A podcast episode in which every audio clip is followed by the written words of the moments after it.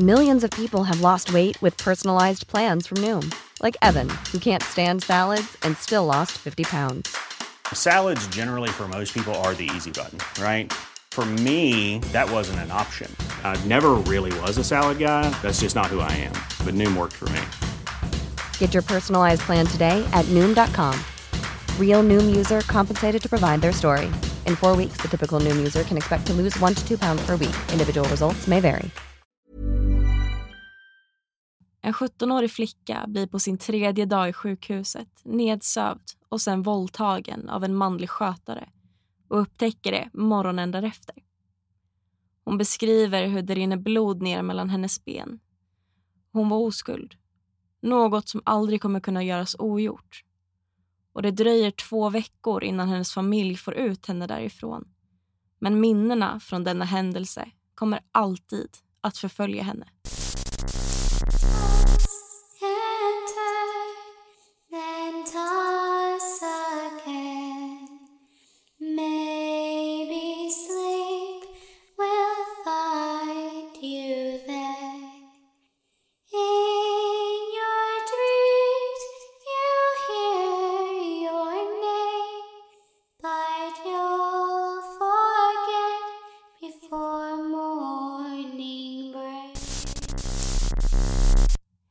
Och välkomna till Mardrömmarnas podd.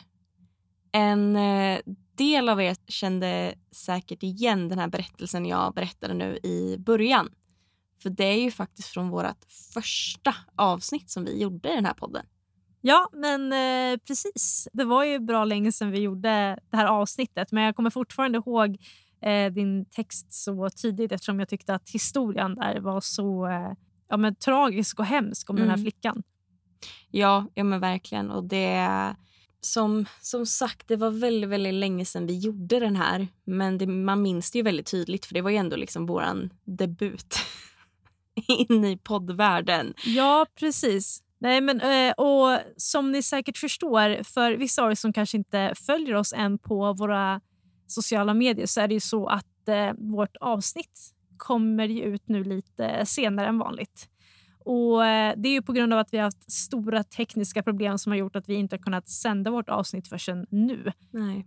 Ehm, Men ja, som sagt, vi sitter ju inte i en studio och spelar in utan vi spelar in på varsitt håll eh, med våra egna datorer och mickar och grejer. Och ibland så, ja, ibland så funkar inte tekniken riktigt som man själv vill. Definitivt inte. Men jag får hoppas att det, att det funkar lite bättre till nästa avsnitt.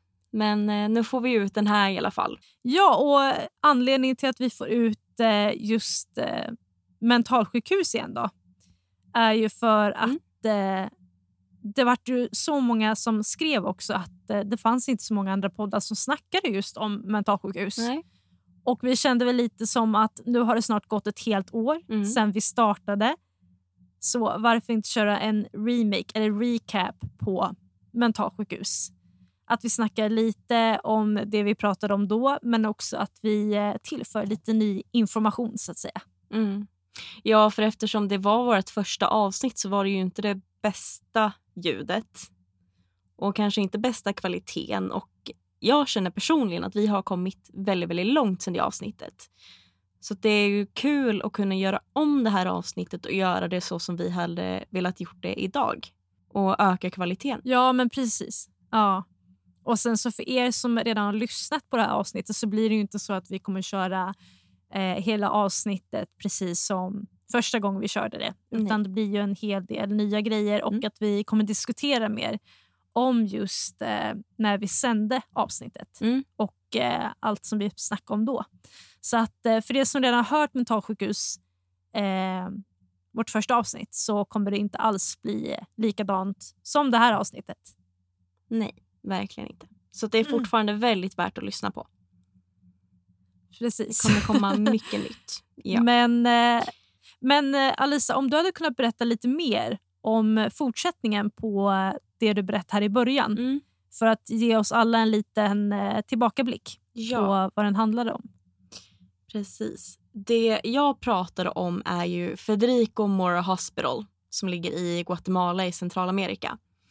Och Just det, det. första jag berättade där var ju om den här 17-åriga flickan då som blev eh, våldtagen i eh, det här Mm. mentalsjukhuset som existerar idag.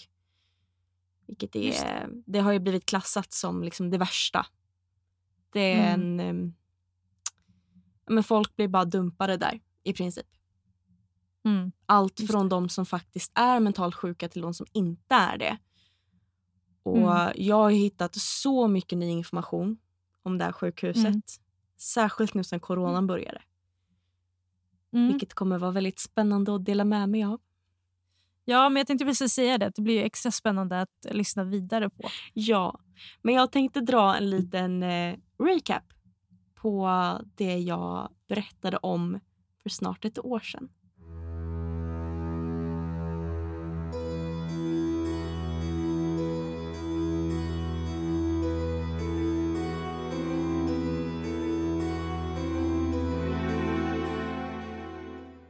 Det här sjukhuset heter då Federico Mora Hospital och ligger i Guatemala. Och sjukhuset har ungefär 340 patienter varav 50 är grovt kriminella och mentalt sjuka. Journalister får inte besöka sjukhuset men eh, BBC lyckades ta sig undercover och fick med allt på film. Och den ansvariga vid sjukhuset heter eh, Romeo Minera och hävdar ju då att de använder minsta möjliga lugnande medel på sina patienter och att de eh, sköter allting på ett bra sätt. Men ändå så Mm. kan man ju via BBCs filmer se de här patienterna ligga utspridda från gården ända in i byggnaden. Och eh, Många är ju nakna och eh, tydliggör då synen av avföring och smutsen som täcker hela deras kroppar. BBC berättar ju om patienter som har blivit så nekade till mänsklig kontakt att de sträckt sig desperat efter journalisterna som kommit dit för att få någon slags närhet. Men eh, regeringen hävdar ju då att alla skötare är utbildade för att ta hand om allting och se till att patienterna är rena och har hela kläder. Men så är ju uppenbarligen inte fallet. En manlig skötare berättar till BBC att två eller tre skötare har ansvar för cirka 70 patienter. Och eh, om vi går tillbaka till det här, Julia, som jag berättade nu, Mm. så är ju det verkligen... Alltså det, det känns ju som det minsta humana som man kan Mm. slängas in i. Eller det lägsta humana. Ja, men verkligen. Mm.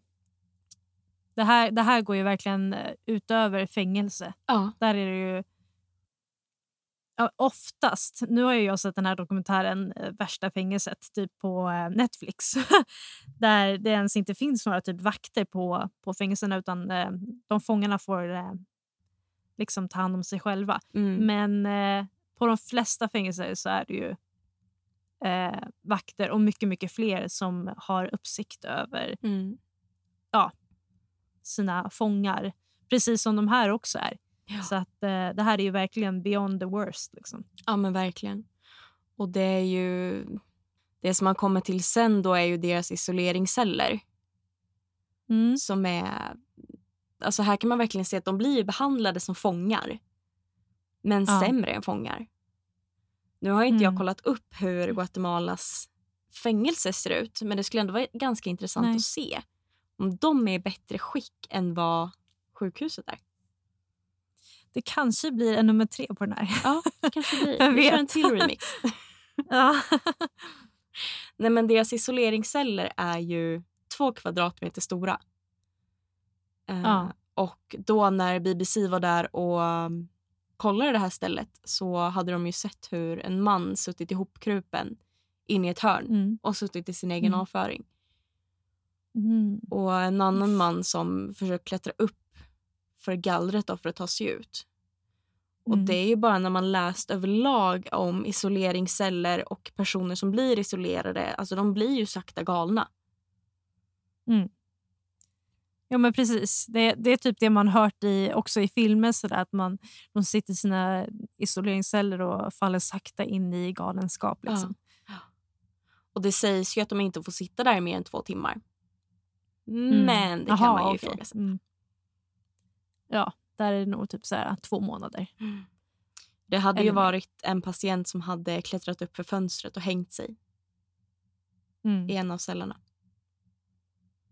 Ja, alltså, förlåt om jag säger det här, men jag kan förstå det. Ja. Om man liksom har suttit där så pass länge.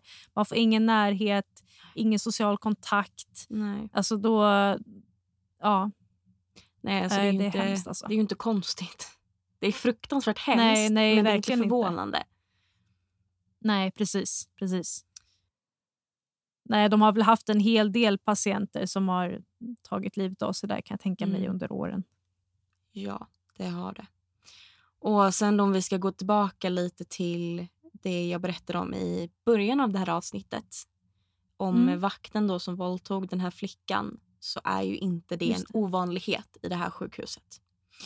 Mm. För de, de manliga vakterna och eh, skötarna och till och med några av läkarna väljer ju ut de Mm. vackraste patienterna Mm. eh, för att kunna våldta dem under natten Just det. och under nätterna. Ja, och en annan viktig sak som jag tycker där är att eh, man måste ju tänka på det också att nästan 90 eller 95 procent av alla som kommer dit kommer ju inte därifrån. Nej. Eh, och de flesta har ju inga nära och kära heller eftersom eh, mental ohälsa eller ja, att man liksom lämnas in på ett mentalsjukhus eh, gör ju att mycket släkt och familj tar avstånd vad vi Mm. sett Mm. eh, i det vi läst. Mm. Så att eh, en person som lämnas där kommer ju oftast, i de flesta fall, inte ens därifrån. Nej. Och vem ska man då berätta det för? Att man har blivit utsatt? Och jag menar, vem skulle ens tro en Nej. när man berättar att man har varit inlagd på ett mentalsjukhus? Nej, verkligen inte. Eh, så att chanserna där känns ju väldigt små. Ja. Nej, och de här patienterna blir bort, borttagna sina namn när de kommer dit. Mm. De får ju bara ett nummer. Just Så att det är ju ja, men liksom, som på fängelser ungefär. Ja. Så att när du kommer dit, då blir det liksom, du, du är inte människa längre. Nej. Alls. Du fråntas alla dina mänskliga rättigheter och allting du är Mm. försvinner. Ja, och sen med tanke också på hur många eh, inlagda de har eh, så blir det väl också lättare för, för de som jobbar där att eh, de inte har något namn heller. Mm. Nej. Nej, alltså det är så... Det är så brutalt. Och det är ju där som eh, DRI, eller Disability Rights International, gick in eh, 2012 och skrev eh, den här rapporten. Mm, just det. Eh, att de under tre års tid hade ja, men, plockat bevis mot sjukhuset för att Mm. liksom kunna sätta fast dem och bara men stäng ner skiten. Mm. För de hade ju beskrivit det här sjukhuset som den farligaste anläggningen i hela Amerika. Just det. Mm. Och jag skulle säga i hela världen. mm. Definitivt. Jag har aldrig läst Ja, om alltså av någonting det så man vet. Så, hemskt. Ja. Nej. Nej, verkligen inte. Ehm, för patienterna här blir ju nekade liksom till all vård eh, Mm. och riskerar ju sjukdomar som typ hiv Mm. på grund av att det sker så mycket våldtäkter, inte bara mellan liksom inte bara att vakterna våldtar utan liksom patienterna våldtar ju också varandra. Mm. Just det. Jo, men det blir som en enda ond cirkel. Mm. Alltså allt det där. Så fort man hamnar där så är det liksom... Ja. Det, ja, jag vet inte. Nej, alltså det är så svårt. Och um, det man kan läsa sen är ju då det här om att regeringen då hade startat en egen utredning för de har ju ihop med han som sköter sjukhuset varit väldigt så här, men allting är jättebra, det funkar super, Mm. de får den Mm. vård de behöver. Ehm, men de startade ju en utredning för att kunna börja bygga en eh, mur för att skilja då på Mm. patienterna och de kriminella som satt inne. För det sitter ju faktiskt inne kriminella också. Just det. Och Mm. inte bara de som är liksom sjuka. Nej. Ehm, men det här är ju... ah, alltså de hade ju lovat förbättring sen innan dess. De har ju Mm. alltid lovat förbättring. Det är ju lite som eh, Erik Rosenthal från DRI hade sagt Mm. då, citat. Detta är total avhumanisering. Dessa människor blir inte behandlade som människor. De har blivit inlåsta som straff för att de blivit drabbade av psykisk ohälsa. Slutcitat. Mm. Och det stämmer ju verkligen Ja, men det är så, verkligen så. så rätt. liksom. Ja. Men det känns ju inte som att man kommer komma till en punkt där det faktiskt tvingas att stänga ner. Nej, för det, det har inte stängts ner än idag heller, va? Nej, det har inte. Det är lite det jag kommer komma in på nu. Men hjälp. Eh, Alltså med tanke på alla bevis och grejer så Ja. känns det ju helt sjukt i så ja. fall. För nu har det ju kommit otroligt många uppdateringar Mhm. kring det här sjukhuset. Jag hittade... Ja. Jag skulle ju researcha lite mer då nu inför det Mm, här just avsnittet. Och vart typ chockad över hur mycket Mm. som faktiskt fanns. Ja. Särskilt nu kring, eh, kring coronan, efter att det kom. Mhm. För det drabbar ju de här Okej. ställena också. Mm. Så den eh, 7 maj hade ju DRI gjort ett, eh, ytterligare en orosanmälan, eller ett överklagande. Okej. Mm. Eh, för de hade ju fått veta då att eh, minst två behandlare på det här sjukhuset hade blivit testade Mm. positivt för corona. Aha, okej. Så fyra sköterskor och eh, 47 patienter hade befunnit sig i karantän då. Men Mm. problemet här är ju att det som vi tänker är karantän går ju liksom inte att genomföra där.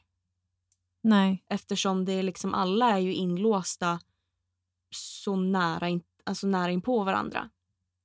Ja, alltså de har ju inte egna rum och grejer heller så att det Nej. blir ju det blir ju att alla springer på alla så att säga. Mm. Ja men exakt. Och det är ju liksom den exponeringen de redan har fått för corona och liksom bristen på att kunna liksom isolera sig gör ju att antagligen har redan fler patienter smittats. Ja. Jo. Men något konkret svar på hur många det är har man inte fått. Nej. Vad märkligt. Ja. och det har ju kommit ut några källor då från eh, sjukhuset som sagt Mm. att patienterna är ju inlåsta liksom på bostadsavdelningarna. Ehm, Mhm. Och får liksom inte komma ut. Men de får inte heller tillgång Nej. till någon medicinsk vård där inne. Ja, och bara det är ju helt sjukt. Och eh, det hade ju också kommit fram att eh, de ska skicka personer då med psykosociala funktionshinder som har deporterats från USA till Federico Mora Hospital. Mm. Mhm. Oavsett om de har corona eller inte. Jaha, oj. Okej. Mm. Så att det kan lika gärna komma in en hel mängd med människor där som har det. Mm. Det är inte nog med att de skickar dit folk som har deporterats. Jag fattar inte att man deporterar folk med någon slags... Något Ja, slags behov. smittosjukdom. Eller, ja. Ja, men varken det eller det andra. Mm. Och sen ingen sjukvård eller någon sorts vård överhuvudtaget. Eh, känns ju väldigt eh, ohumant. Så att den här informationen kom ju då ut den 7 maj. Just det. Och sen den 12 oktober, Mm. ett tag efter, så kom det ut då att den 1 juni så hade ju då en specifik patient eh, dött. Jaha. Han var patient... I num- corona, eller? Ja, han hade dött i corona. Mm. Han var patient nummer 10451 Mhm. och hade begravts i en kyrkogård där minst 62 andra oidentifierade personer hade begravts sen pandemin började. Mhm. För Det är ju lite det som är liksom problemet med hela det här sjukhuset. Att det finns så många som du vet inte ens vilka de här personerna är. Och då är ju den här, Nej. alltså den här mannen då är liksom ett så klockrent exempel på hur fel det kan gå. För att han, ingen har någonsin vetat hans namn. Nej. Just det. Ingen vet hans namn, ingen vet hans födelseplats, vem hans föräldrar var eller ens hans ålder. Mm. Han hade ju tillbringat typ hela sitt liv på olika liksom, institutioner Mm. eh, och började ju först på ett barnhem Aha, okej. innan han flyttades till eh, Federico. Eh, för att den första informationen som finns om honom är 1991 då han var Mhm. cirka 15 år. Mhm. De vet inte det. Nej. Eh, och det var ju då han hade flyttat från barnhemmet. Där han hade Ah. fått namnet eh, Juan Ayo. Mhm. Men det är i princip som typ USAs John Doe eller Mm. vårt Ja, svenska Jane Doe, Sven. Svensson. Ja. Det, det. John är ju i princip... Eh, eller Juan är ju som USAs John. Och Ayao är en hänvisning till barnhemmet han växte upp på. Aha, okej. Och då kan man ju undra hur många andra personer som har kommit in dit som inte har någon koppling till någon. Det är ingen som vet vem de är. Nej, så hemskt och tragiskt. Jag har ju inte sett hur många personer som har dött då sen eh, första juni. Mm. Men den första juni så var det ju då 62 oidentifierade personer som Mm. hade begravts. Just det. Mm. Så där kan man ju verkligen se, om man bara ser liksom den korta perioden Mm. fram till den första juni, hur många personer har drabbats av det fram tills nu? Mm. Och Sen måste man ju också tänka på att eh, med tanke på att de inte hade någon sjukvård där så hade det funnits en stor chans till att eh, en stor mängd av de här hade kunnat överleva eh, coronan. Ja. Även fast... Eh, nu gjorde de ju inte det, men eh, jag kan tänka mig att en stor del av dem hade kunnat gjort det Mm. om, man hade liksom, om sjukhuset hade gått efter eh, ja, men, rätt eh, ja, men, med utrustning och restriktioner och allt det där. Ja. Men ja, som sagt, det här är ju alltså en fortsatt väldigt speciell sak att prata om. Och det här kommer väl alltid vara väldigt speciellt för mig i och med att det här var liksom det första jag pratade om. Det här var mitt första Mm, ämne. Mm. Eh, så att jag kommer, även om inte vi fortsätter prata om det i podden, så kommer jag fortsätta hålla koll om det kommer ut nya uppdateringar kring, kring sjukhuset och Mm, vad det. som händer. Och jag kommer ju självklart dela med mig om jag hittar någonting som jag känner att ni absolut behöver veta. Så kommer jag Mm. dela med mig av det på både vår Instagram och vår Facebook. Där vi heter Mardrömmarnas podd respektive Mardrömmarnas podd. Ja, och sen får ni inte glömma bort heller att eh, gå in på Youtube och kolla på BBCs eh, egna material ifrån sjukhuset som ligger ute. Mm. Nej, definitivt inte. Eh, mm, för att eh, det, jag tror att det är först ändå man verkligen kan förstå hur illa det verkligen är. Även om det är väldigt mycket som är censurerat Mm. eh, så tror jag att eh, det kan öppna upp ens ögon ännu mer för eh, vad som fortfarande sker i världen just nu.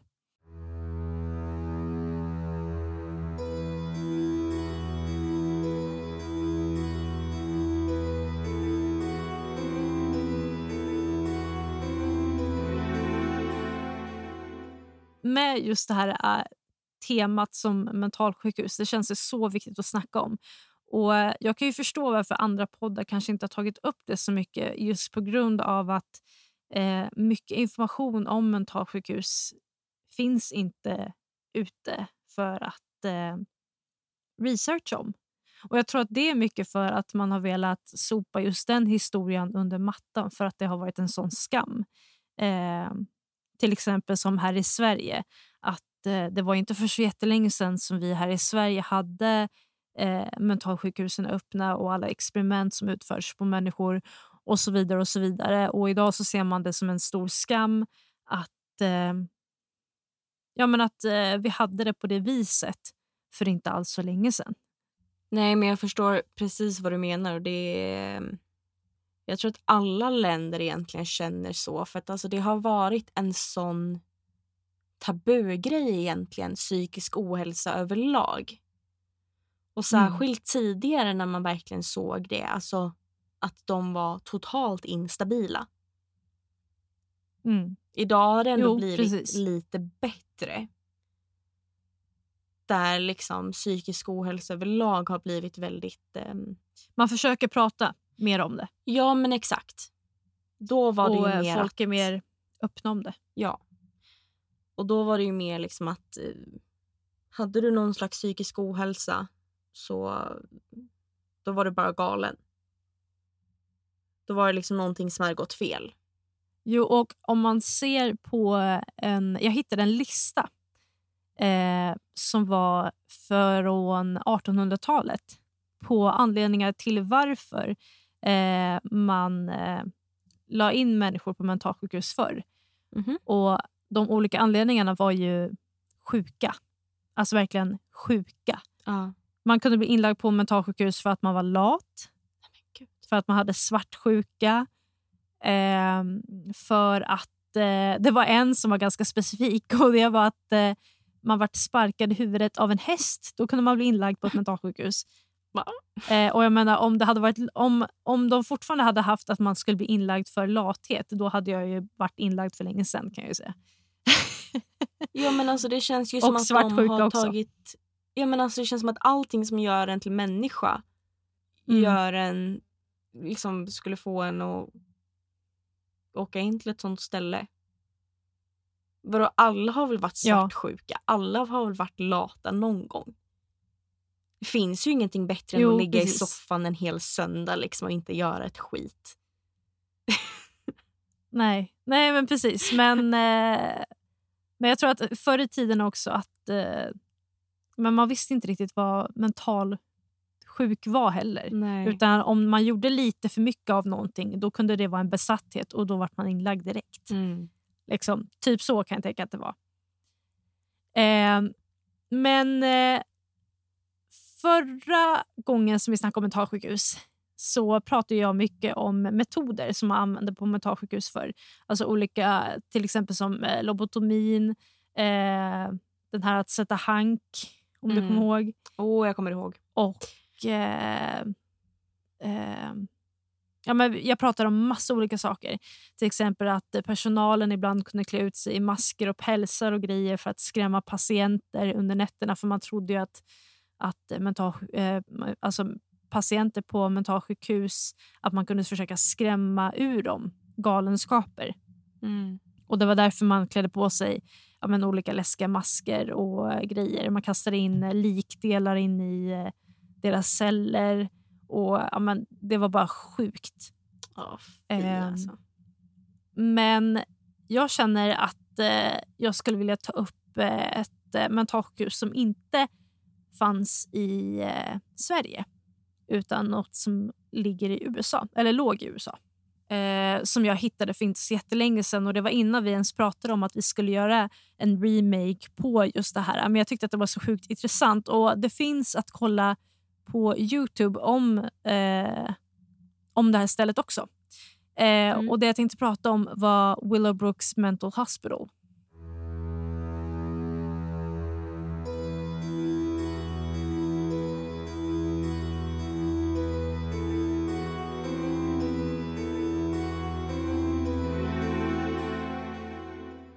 Det var när andra världskriget tog slut som Willowbrooks Mental Hospital började få in allt fler patienter. Eh, innan så sågs det ju som en liten avdelning för funktionshindrade veteraner efter kriget. Och Då hade de cirka 20 platser. Eh, och Detta var 1944. Och Bara 12 år senare så skulle Willowbrooks Mental Hospital kunna ta emot 6 200 patienter. Män, kvinnor och barn. Så ni kan ju tänka er att gå från 20 patienter, eller 20 platser till att 12 år senare gå till att kunna ta emot 6 200 patienter. Det är helt stört. Ja, och som ni hörde så var det både män, kvinnor och barn. Nej, men det fanns extremt många olika avdelningar och eh, oftast var det grupperat att män var på en avdelning, kvinnor på en, barn på en. Men eftersom det var så extremt många patienter så var de ju tvungna att ha många olika avdelningar. Och eh, Willowbrooks utsågs till USAs största mentalsjukhus.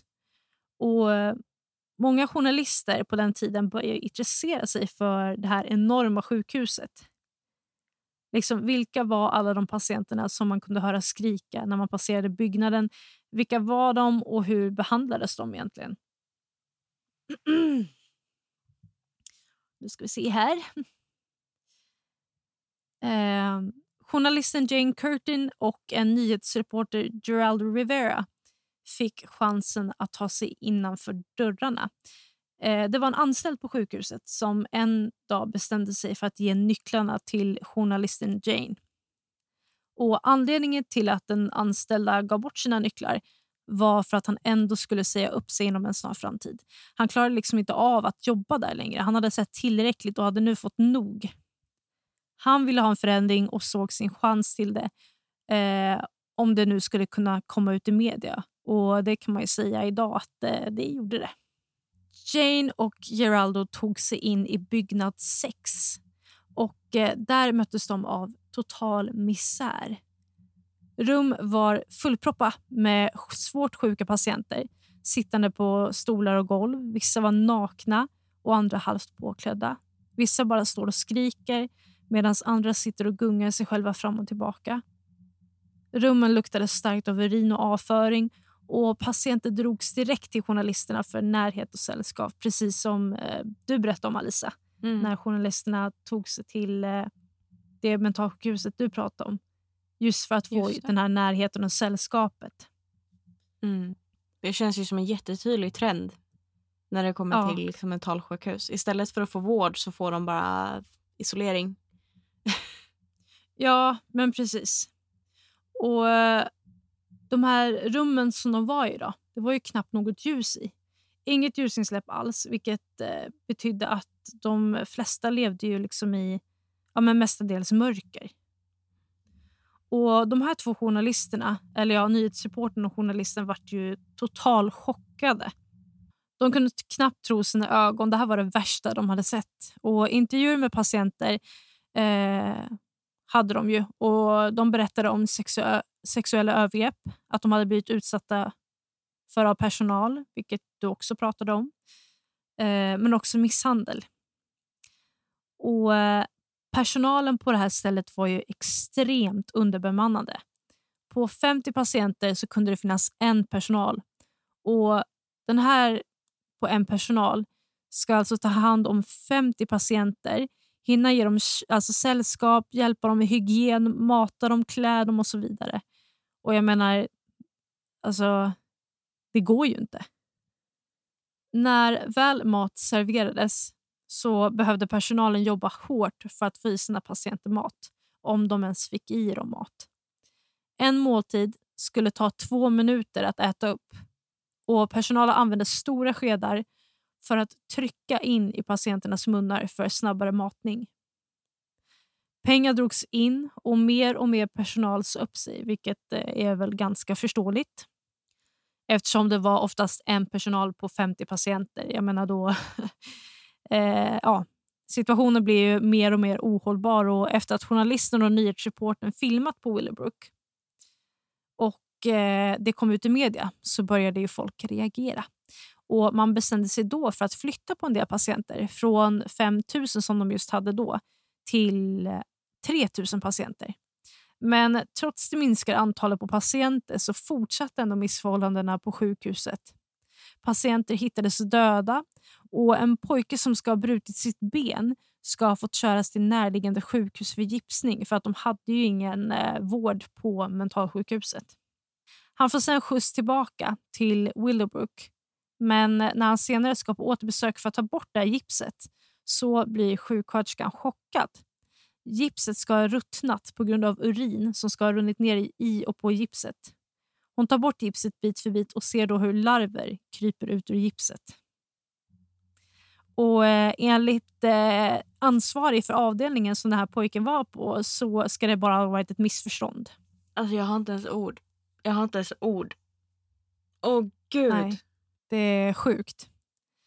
Eh, patienter ligger med öppna sår i sina små sängar och smittar varandra med hepatit och blir sällan behandlade av läkare då det endast fanns en läkare på de 3000 patienterna som då ska ha funnits på Willowbrook. Och den här läkaren kom inte dit förrän efter att eh, eh, den här pojken ska ha brutit eh, det här benet och behövt gipsa det. Och, eh, I en dokumentär som heter Unforgotten 25 years after Willowbrook så medverkar personer som tidigare var patienter på stället. En eh, man med en CP-skada berättar att han aldrig trodde att han skulle få komma därifrån. Han trodde att han skulle dö på sjukhuset och jag förstår honom för att många patienter som blev inlagda kom aldrig därifrån levande. Och eh, Någonting annat som jag känner är väldigt viktigt att berätta är ju att eh, journalisterna tog sig dit, eller nyhetsreportern och journalisten tog sig dit på grund av den här anställde som tyckte att han hade fått nog. Ja, just det. Eh, som jag berättade om tidigare nu.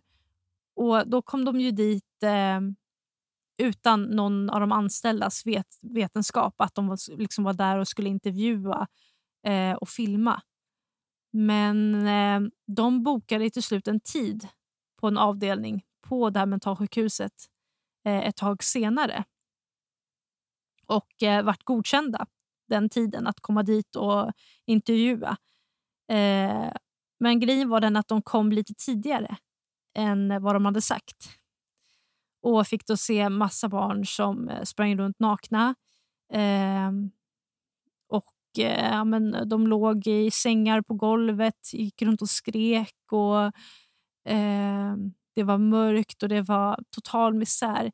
För att det sedan ska komma in en kvinna med en sån här stor rullvagn med massa kläder. För snart var det dags för eh, det här mötet att börja, eller att de skulle liksom börja intervjua. Så då hade de liksom kommit dit med massa kläder för att försöka få på alla barn kläder för att det skulle se mer propert ut inför att eh, journalisterna skulle komma dit och intervjua. Och De intervjuar ju en eh, dam som jobbar där och hon säger ju det att, för de frågar ju varför är det så många som inte är klädda för? Och Hon säger det att eh, vi försöker klä på dem. Vissa, eh, ibland har vi inte ens kläder så att det räcker. Eh, vissa försöker vi klä på, men de klär bara av sig igen. Och eh, Hon berättar också att de är extremt underbemannade och har ingen tid för att räcka till. Och eh, Pengar har dragits in mer och mer på det här stället vilket har gjort att eh, det är så extremt många som säger upp sig. Och De få som ändå jobbar kvar är sådana som verkligen har försökt ja, men har hjärtat till att försöka att få det att hålla ihop. Men att det ändå inte har gått. Men eh, som ni hörde så är det ju så att eh, trots att det här kom ut i media så tog det ganska lång tid innan eh, det blev så att eh, det här stället fick stängas. Och eh, när det väl stängdes så eh, släpptes ju de här svårt sjuka, för att nästan alla patienter som var på det här stället var ändå mentalt eller fysiskt sjuka, att de inte kunde ta hand om sig själva. Så en stor del av alla de här patienterna som släpptes eh, vart ju till att bli hemlösa. Många av deras familj och släkt hade ju övergett dem på det här mentalsjukhuset. Eh, och bara en liten del av alla de här patienterna fick komma tillbaka eh, hem igen. Eh, till sina nära och kära för att bli eh, ja, men, tas om hand. Och En del av de här kan man lyssna på eh, om deras egna berättelser om hur det var. Och eh, Detsamma om eh, ja, men nära och kära som hade eh, släktingar och familjemedlemmar på just det här mentalsjukhuset. På den här dokumentären som jag pratade om, The Unforgotten 25 years eh, since Willowbrook. Så om ni vill lyssna på mera och se mer av den här eh, uh, nyhetsreporten och journalisten som tar sig in på mentalsjukhuset så finns det på Youtube eh, jättemycket material att eh, titta och lyssna på.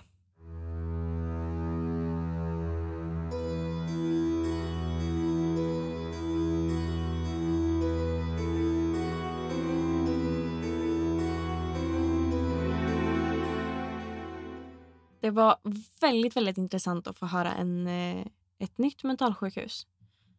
Då fick vi in lite nytt i alla fall för er som faktiskt har lyssnat på vårt första avsnitt och kanske var uttråkade på min gamla Federico Mora Hospital. Så fick ni lite, lite nytt här. Nej men det var väldigt, väldigt intressant att höra på. Jag kommer definitivt kolla den här dokumentären. Definitivt. Ja, men den är verkligen värd att se kan jag säga. Mm. Och Det finns ju flera olika dokumentärer om just det här stället. Eh, så. Men eh, väldigt, eh, väldigt hemskt. Väldigt, och, väldigt hemskt. eh, Jag hade aldrig hört om det tidigare. Men det här var ju ändå USAs största mentalsjukhus. Mm. Och Om man går in och söker på det på Google och tittar på bilderna så är det ju enormt stort. Alltså det är, alltså jag vet inte, men det fanns ju 20-tals, eh, eh, ja, men runt 20-talet avdelningar på det här Mm. stället. Så ni kan ju tänka er eh, hur stort det verkligen var. Ja. Men det här känns ju verkligen som ett ställe som är eh, helt och hållet vinstdrivet. Ja, Och att det känns som att det är därför det liksom varit byggt så stort och det skulle vara så mycket. Om man drar ner kostnaderna på det för att få ut ännu mer pengar av det. Mm. Det finns liksom inga goda syften överhuvudtaget. Förutom såklart de som jobbar där och faktiskt, faktiskt har hjärta för det. Men nu tänker jag på de som äger liksom och driver hela det här. Där finns det Mm. ju inget hjärta. nej, nej, verkligen inte. Och det, ja, men det, det handlar verkligen om bara pengar egentligen. Mm. eh, för att kunna ge en, eh, faktiskt en bra vård i detta fallet. Jo, men jag tänkte lite det från första gången vi spelade in att eh, jag pratade ju redan då så jättemycket om de här olika metoderna som man använde på mentalpatienter förr. Och eh, då kände jag liksom bara att nej, jag vill prata om någonting nytt. Mm. Så då kändes det som att det här var ett utmärkt val. Ja. Nej, men som sagt, om ni tycker att det är de här historierna som vi har berättat om, eller ja, just de här ja, platserna vi har berättat om, ska man väl säga, så finns det jättemycket eh, videos och grejer att kolla på på Youtube. Så gå in och kika och vi kan ju försöka länka dem eh, både på vår eh, Instagram och eh, vår Facebook om det är så att ni är intresserade. Definitivt. Men det var allt för det här avsnittet. Och Vi tänkte ju lite som eh, plåster på såren för er för att det här avsnittet vart så väldigt sent. Så tänkte vi avslöja vad vi ska prata om i nästa avsnitt. Vilket kommer vara kidnappningar. Det antar jag att du ser väldigt mycket fram emot, Julia. Ja, det gör jag. Jo, men vi har ju planerat för det här länge nu så att jag, Ja, jag har verkligen suttit och grottat ner mig, eller gottat ner mig ja, i, lite både och. i eh, alla eh, olika fall och grejer och jag har hittat Ja. ett eh, ganska intressant sådant. Så att, jag tror att det avsnittet kommer bli riktigt, riktigt bra. Men det kommer Mm. det. Och eh, förhoppningsvis så kommer det ut i tid. När det ska komma ut. Vi håller tummarna och jag hoppas att ni håller tummarna för oss Ja. också, att det kommer ut i tid. Det är, men som sagt, alla såna uppdateringar släpper ju i på våran Facebook och Instagram om det skulle vara någonting.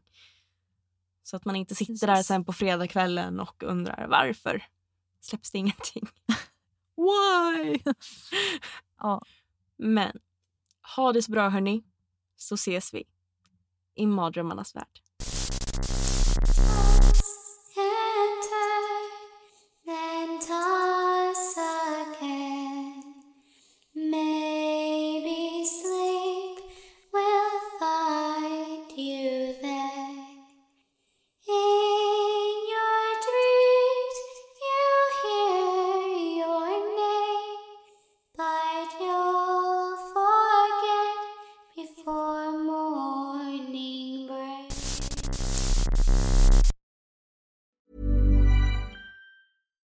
It's Paige DeSorbo from Giggly Squad. High quality fashion without the price tag. Say hello to Quince. I'm snagging high-end essentials like cozy cashmere sweaters, sleek leather jackets, fine jewelry, and so much more. With Quince being 50 to 80% less than similar brands. And they partner with factories that prioritize safe, ethical, and responsible manufacturing. I love that. Luxury quality within reach. Go to quince.com slash style to get free shipping and 365 day returns on your next order. Quince.com slash style.